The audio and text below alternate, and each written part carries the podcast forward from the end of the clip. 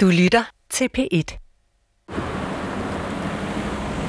Det er søndag formiddag i udkanten af Rom, og jeg står og venter på en lille hvid bil. Inde i den lille hvide bil skal sidde en dansk kvinde. Hun hedder Mette Korsberg, og hun er barnebarn af Hans Korsberg. I 1906 indgik et søskende par en pagt. Tommy og Tanne, Karen Bliksen og hendes lillebror Thomas. En pagt om at søge det store i livet og ære faders Gud. Ingen undgår sin skæbne. Den fødes med os. Den er som en ånd, ond eller god, der usynligt følger os, som skyggen følger alt jordbundet. Den er som et kim, et sædekorn, der hemmeligt skjules i os, vokser med os, dør med os. Om det, der ikke skal sjælevandre i vores børn. Det her, det er Korsberg-mysteriet, anden episode. Titlen, det kommer an på, hvad dagen bringer. Hans Korsberg, som blev født i 1854 og døde i 1929, må have været en mand med mange forskellige talenter. Han læste medicin og var amtslæge i Sorø i 25 år. Og udover at passe sit arbejde som læge og sit forfatterskab, så var han også opdagelsesrejsende. Og derfor udrustede han sine egne enmandsekspeditioner. Ikke mindst til Transkaukasien. Og i 1890 tog han på langfart for første gang, og straks efter sin hjemkomst skrev og udgav han en stor bog om sine oplevelser. Den hed Gennem stepperne og blandt kalmykkerne.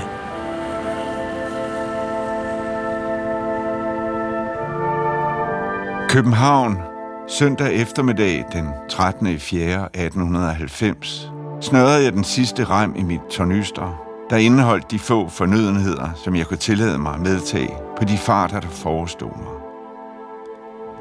Jeg havde tilbragt den sidste tid i restløst arbejde for at bringe mine sager og papirer i orden. Mens regnen trummede på ruden, festede en varsom hånd en violbuket i min pjekkerts knaphul.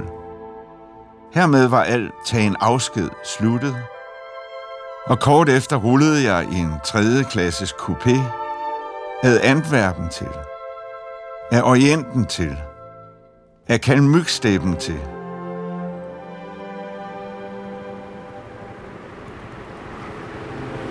Nu kommer der en hvid bil. Skal jeg vide, om det er Mette Korsberg? Det tror jeg, det er. Hun sidder der og vinker. Ja, det er jeg. Ja, det kan jeg se på brillerne. Hej Mette. Du ligner jo heldigvis ikke det fotografi, der er i avisen. Kom ind, Tak skal du have. Goddag. Fantastisk. Skal vi starte? Det skal vi. Du er ikke bange for sådan en 90-årig kørebil, vel? Jeg øh, har hverken bil eller kørekort selv, så min skæbne er helt i dine hænder. Au, Du ved ikke, hvad du taler om. nu vender vi hernede. Yes. Mette, hvor længe har du egentlig boet i Rom? Jeg har været her. Jeg blev gift i 57. Og øhm, va bene, var du jo? Okay. Si, si, si, va bene, va bene, va bene. Grazie. Og så sidder jeg her i Mette Korsbergs lille hvide bil, som hun kaster gennem gaderne i Roms augusthede. Mette har skrevet til mig, at hun ligger inde med billeder og breve fra sin farfars tid, og med vaskeægte skatte, som han hjembragte fra sine ekspeditioner hos kalmykkerne. Du kan se, hvor tæt på vi er. Nu skal vi se herover. Sådan.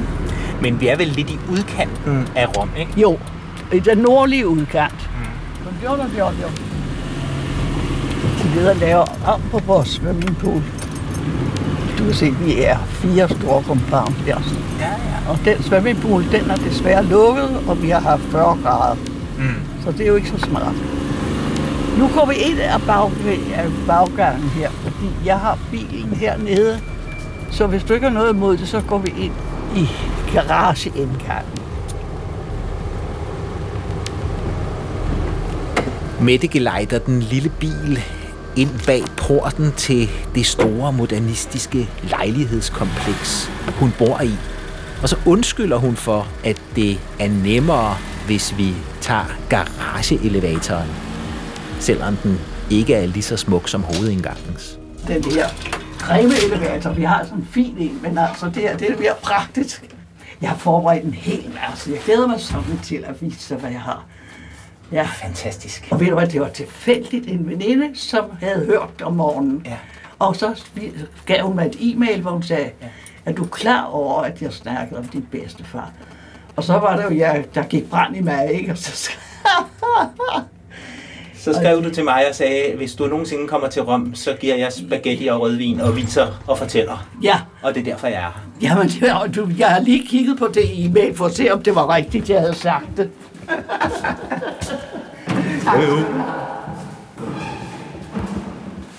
Du er ikke noget, jeg skal have masker på og sådan noget, vel? Nej, nej, jeg er helt tryg. Ja, det er jeg. Jeg er helt fuldstændig. Ja. Nu skal vi se her. Hej, butik var Emma. Kommer vi ind i forstuen her. Hvor er det en fantastisk lejlighed. Det er en lejlighed i to etager, der hænger kunst over det hele. Det er en fuldstændig mageløs lejlighed med mange nærmest museumsagtige møbler og billeder og keramik og jamen, det er jo nærmest som at være på museum det her med det. Ja, men vi er jo også øh, sådan lidt modne i alderen, ikke? Kommer ind her. Buongiorno, Buongiorno. Questa è la nostra colonna. Det er vores, la nostra perla, tutto bene? Som er kommet i dag søndag, fordi du kom. Så ville hun hjælpe. Mm, nej. Ja, så skulle jeg ikke stå i køkkenet, mens du sad ude på terrassen og ventede på, hvad du skulle sige. Hvor lyder det godt. Fælde, fælde. Hey, kom. Nu skal du bestemme, hvor du vil sidde. Hold da op. Ja, men du skal se. Hold da op. Det er rigtig dejligt. Ja, kom herhen, så skal du se. Det her, det er jo en, Men herhen kan du se. en balkon, der smyger sig hele vejen rundt om denne høje bygning, vi er i, med den mest formidable udsigt over den romerske kampagne. Kampagne. Ja, det er Et rigtigt. kæmpe stort naturområde. Bølgende bakker og bjerge i profil i baggrunden. Det var da mageløst. Ja, det er Apenniner, du ser. Og det er det berømte Soragte bjerg. Det ligger derude.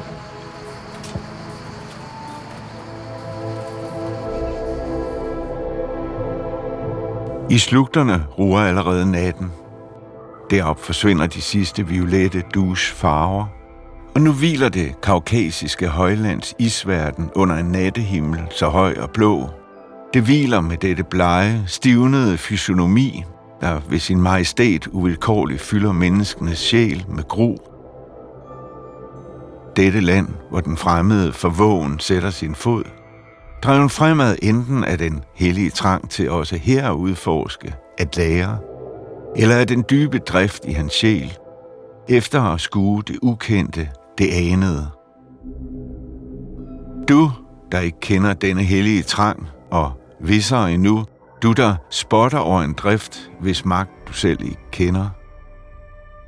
Vælg ikke Kaukasus, hverken bjerg eller steppe, til objekt for din rejse.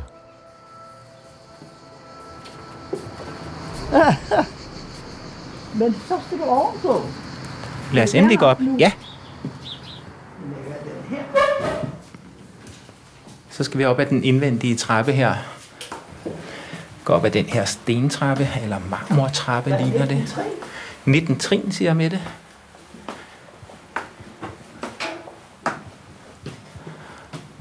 Billederne hænger tæt på væggene her. Og bøger på dansk, kan jeg se. Du læser på dansk. Ja, ja, på alle sprog.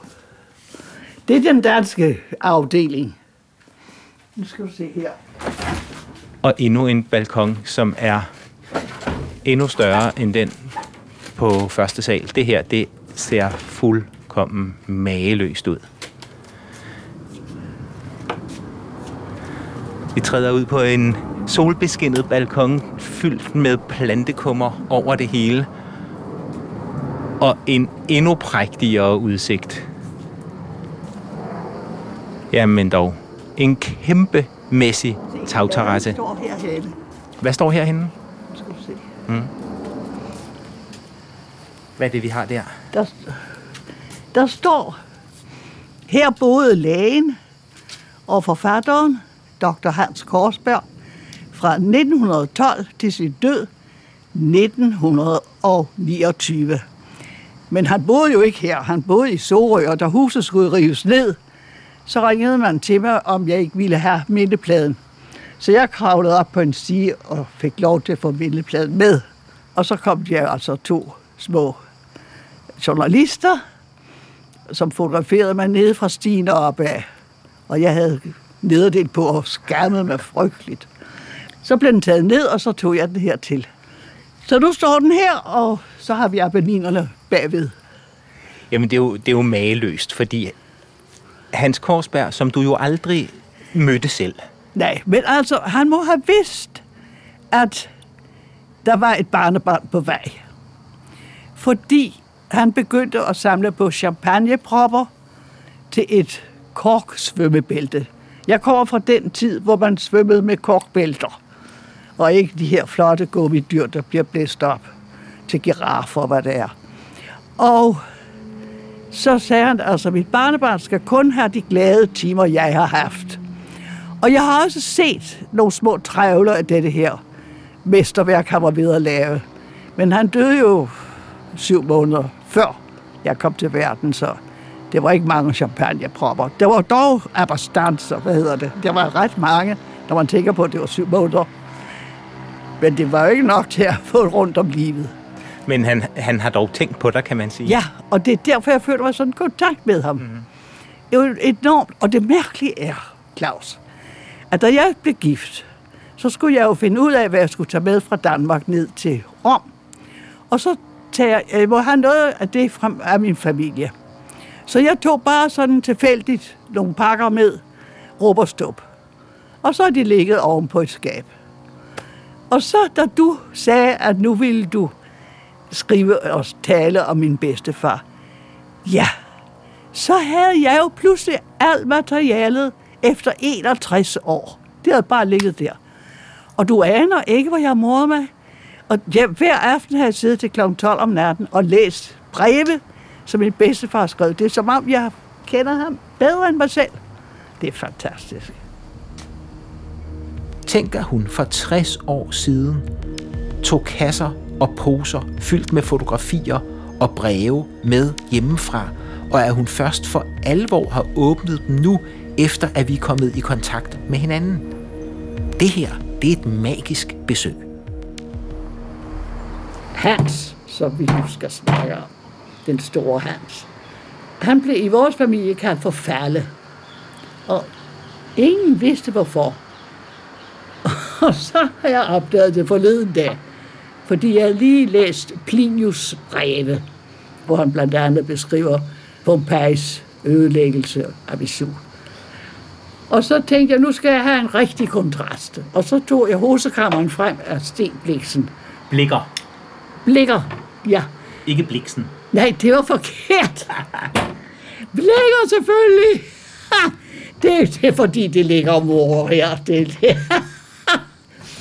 og så skriver han om hosekræmmeren, og så står der falde. Og så står der en lille stjerne, hvor redaktionen for det hele skriver, falde kommer af far lille. Lille far. Men det er der i hvert fald ingen i familien, der er vidst. For de var ikke særlig borgerlige. Det vil sige, at du har netop nu fundet ud af, Ja. hvorfor Hans Korsberg blev På- kaldt Falle i familien. Ja, på grund af hosenkræmmeren.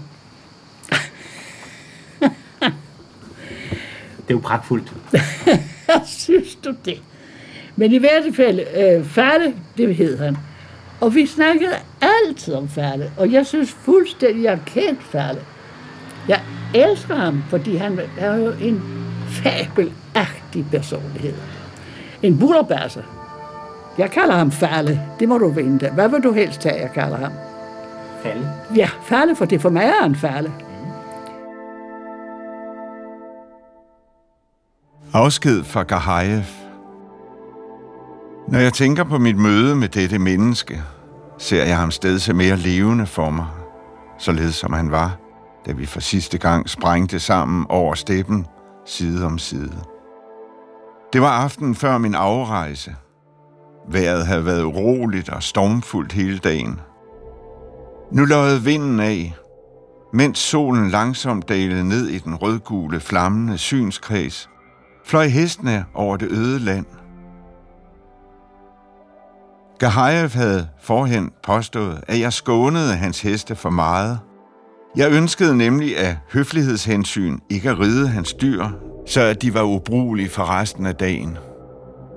Han havde det princip, at hans hest stedse skulle frygte ham. I kraft heraf red han yderst voldsomt og lod uafladeligt ridesvøben smelle mod dyrets flanker. Det ængstede dyr samlede sig, snøftede og vidste ikke, hvilke ben det skulle stå på, indtil najonen pludselig gav luft i tøjlerne og sprængte afsted i strakt karriere. Det var i aften ikke hensigten af skåne dyrene. Og øh, Farle giftede sig med en meget smuk grevinde von Plattenhallerbund. Men han sagde, at det siger man i hvert fald, han sagde, at hun var lige så smuk, som hun var dum. Så det gik ikke. Men efter mange år, otte år tror jeg, så fik de dog vist fem børn. Og så blev han skilt fra hende. Noget, som var helt utænkeligt dengang. Og så fandt han min bedstemor, og hun hedder Agnes Overbæk Petersen. Det blev et fabelagtigt ægteskab, og de fik så fem børn. Et far, øh, Farle har haft 11 børn. Og når Farle blev kaldt ud som læge i Sorø-området, så var det jo altså kun enten med hestevogn, eller med hest. Han var en strålende rytter. Og hun også. Så de kom ridende begge to til sygen, det sygehus, og spurgte, hvor de skulle binde hestene. Og så gik han ind i indgangen, og så lagde han sin pisk og sit hængeslag og sin hat, og så gik han op til den syge. Det er jo ikke det, en almindelig sygekasselæge gør i dag. og så kom der et tidspunkt, hvor han øh, i 1890 ville over til stepperne. Han ville lede efter de sidste kamykker. Dem har jeg jo også læst om hos, øh, hos din bedstefar, fordi... Ja, over jeg, stepperne. Ja, lige præcis. Jeg sidder med bogen her, jeg har, jeg har taget med, ikke? Hvor er det godt, for den har jeg nemlig ikke. Nå, men så skal du glæde dig til at se den her. Der sidder oven i købet også et billede af din bedstefar inde i bogen her. Nej, du siger det ikke. Med fedtskæg og briller og en fantastisk øh, smuk hue på. Nej, Gennem stepperne og blandt kalmykkerne af Hans Korsberg. nej. Til hest og med træsband. Øh, prøv at høre her. Han skriver, jeg har lige fundet det kapitel, der hedder Afsked med Gahayev. Nej, du siger det ikke. Det har jeg ikke. Den næste dag om morgenen skænkede Gahayev mig atter en mindegave. Et par timer efter stod min hest sadlet med Et par en høj- timer efter stod min hest sadlet med en høj og stenhård kalmykisk træsadel uden for teltdøren. En høflighed på falderæbet. I nærheden holdt den kasakiske postholder med Jakob og bagagen. Men just som jeg trådte ud af kibikten, svang en kalmyk sig op på min hest, kastede den omkring og jo bort i steppen. Forundret over dette syn, vendte jeg mig spørgende til Gahajev. Han er sendt. Han kommer snart igen, sagde najonen. Et kvarter efter viste en lille støvsky sig ude i synskredsen. Det var kalmykken, der vendte tilbage, stående højt over sadlen i bøjlerne, med overkroppen fremover, jagende afsted med en voldsomhed, som om det galt om til afsked at vise mig, hvad en kalmyk og en kalmykhest magtede at præstere i retning af forvågent rit. På sin arm havde rytteren et bredt kalmykisk bælte af sølvplader, festet på en sort rem af hesteskin. Det var prægtigt, håndgjort, kostbart arbejde. Et sådan bælte havde længe været mit hemmelige ønske. Sandsynligvis har nationens tjener bemærket, at jeg en dag forgæves spurgte efter et sådan klenodie hos en omrejsende armenisk købmand. Nu overrakte Kahayev mig smykket som en erindring om vores samliv i hans kibikta. Så tog vi der endelig afsked med omfavnelser og kys på russisk vis.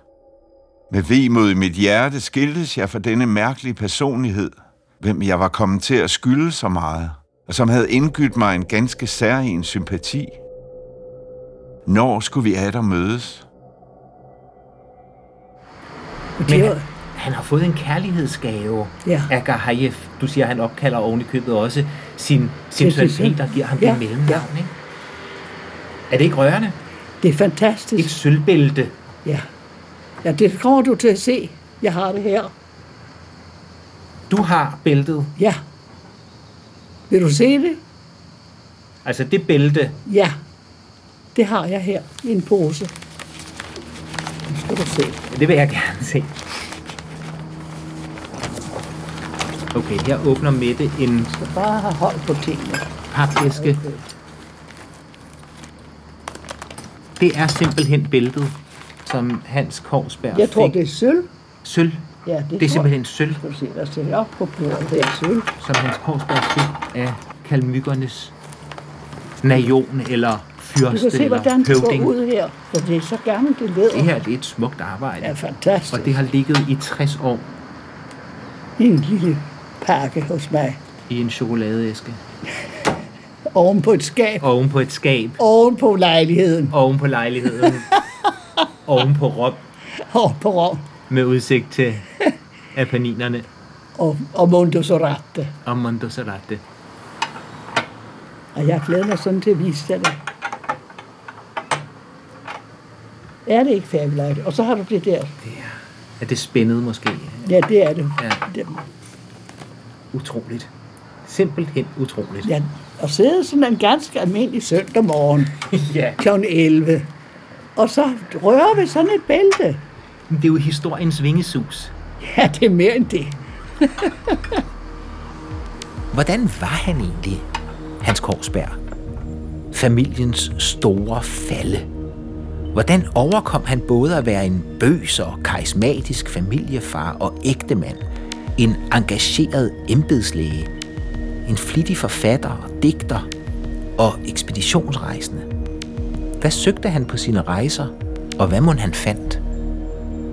Mette, hans barnebarn, hun mødte ham aldrig.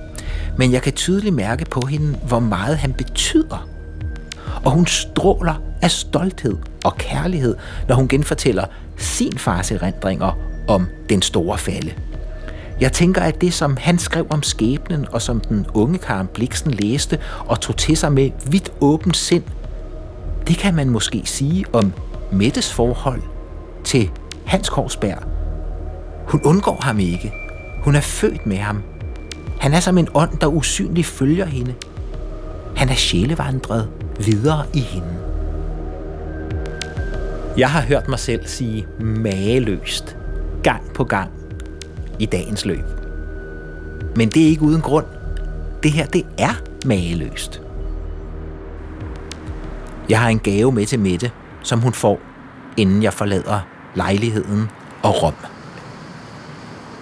Kender du den forfatter, der hedder Ida Jessen? Nej, det gør jeg faktisk ikke. Ida Jessen har for nogle år siden skrevet to rigtig gode romaner. Den ene hedder En ny tid, og den anden hedder Dr. Bakkes anagrammer. Og øh, jeg har taget de bøger med til dig Nej! af en årsag. Det er nemlig en gave til dig fra Hvor- mig og fra Ida Jessen. Nej, hvor er det rørende. For jeg har fortalt Ida Ja, om dig, nej, og jeg har fortalt Ida, hvorfor jeg skulle herned. ja. Og øh, derfor har hun øh, sendt dig en øh, Det de kan. dedika, som det hedder. Nej, hvor er det dog tør jeg. Nej, Ja. det er en dejlig skrift, hun har. Sagen er nemlig, at Dr. Bakke er formet efter Nej, det er løgn. Hans Korsberg. Nej, du siger det ikke. Så samtidig med, Ja, altså, Claus, jeg tror, jeg sidder og drømmer. Ja. samtidig med, at jeg begyndte at interessere mig for din bedstefar, fordi Tom Buk-Swienty Ja. havde omtalt hans store betydning for Ja. Karen Bliksen. Ja. Samtidig med det, og helt uafhængig af hinanden, har Ida Jessen interesseret sig for Hans Korsberg, som hun begyndte at lære at kende på grund af Hans Korsbergs vej i Sorø, hvor hun bor. Nej, hvor er det morsomt. Så læste hun om ham, og så blev han inspirationskilde til den doktor, som optræder i de to romaner, som Nej, Du sidder med det. er det dog fantastisk. Jamen, jeg må skrive til hende et lille kort. det vil hun blive glad for. Jamen, hvor er det dog. Og nu har du så fået to fantastisk gode romaner, og jeg tror, du vil kunne lide dem. Jamen, og i hvert fald, så vil du kunne læse Nej, om Hans nej, hvor er det dog rørende. Jamen, hvor er det dog rørende. Nu ved jeg, hvad det her serieafsnit skal hedde. Det skal hedde Et magisk besøg. Eller måske Sølvbæltet fra stepperne. Mit besøg i Rom er slut. Næste stop, Hans Korsbergs egen by, Sorø. Her ligger han begravet, og her bor forfatteren Ida Jessen. Jeg kan næsten ikke forestille mig andet, end at han har behandlet dem med bryskhed og utålmodighed, og at de også er kommet ud i ren og skær vemmelighed. Jeg tror ikke, han har været noget nemt menneske at omgås, og jeg tror, han har sat en stolthed i at holde mørket for sig selv, men det kan man jo ikke. Altså, det kommer jo ud. Det her var Korsberg-mysteriet, anden episode. Sølvbæltet fra stepperne. I Kim G. Hansens lyddesign. Efter idé af Claus Rothstein og med manuskript og tilrettelæggelse af Claus Rothstein og Kim G. Hansen. Redaktør var Louise Witt Hansen. Du kan høre flere P1-podcasts i DR's radio-app. Det giver mening.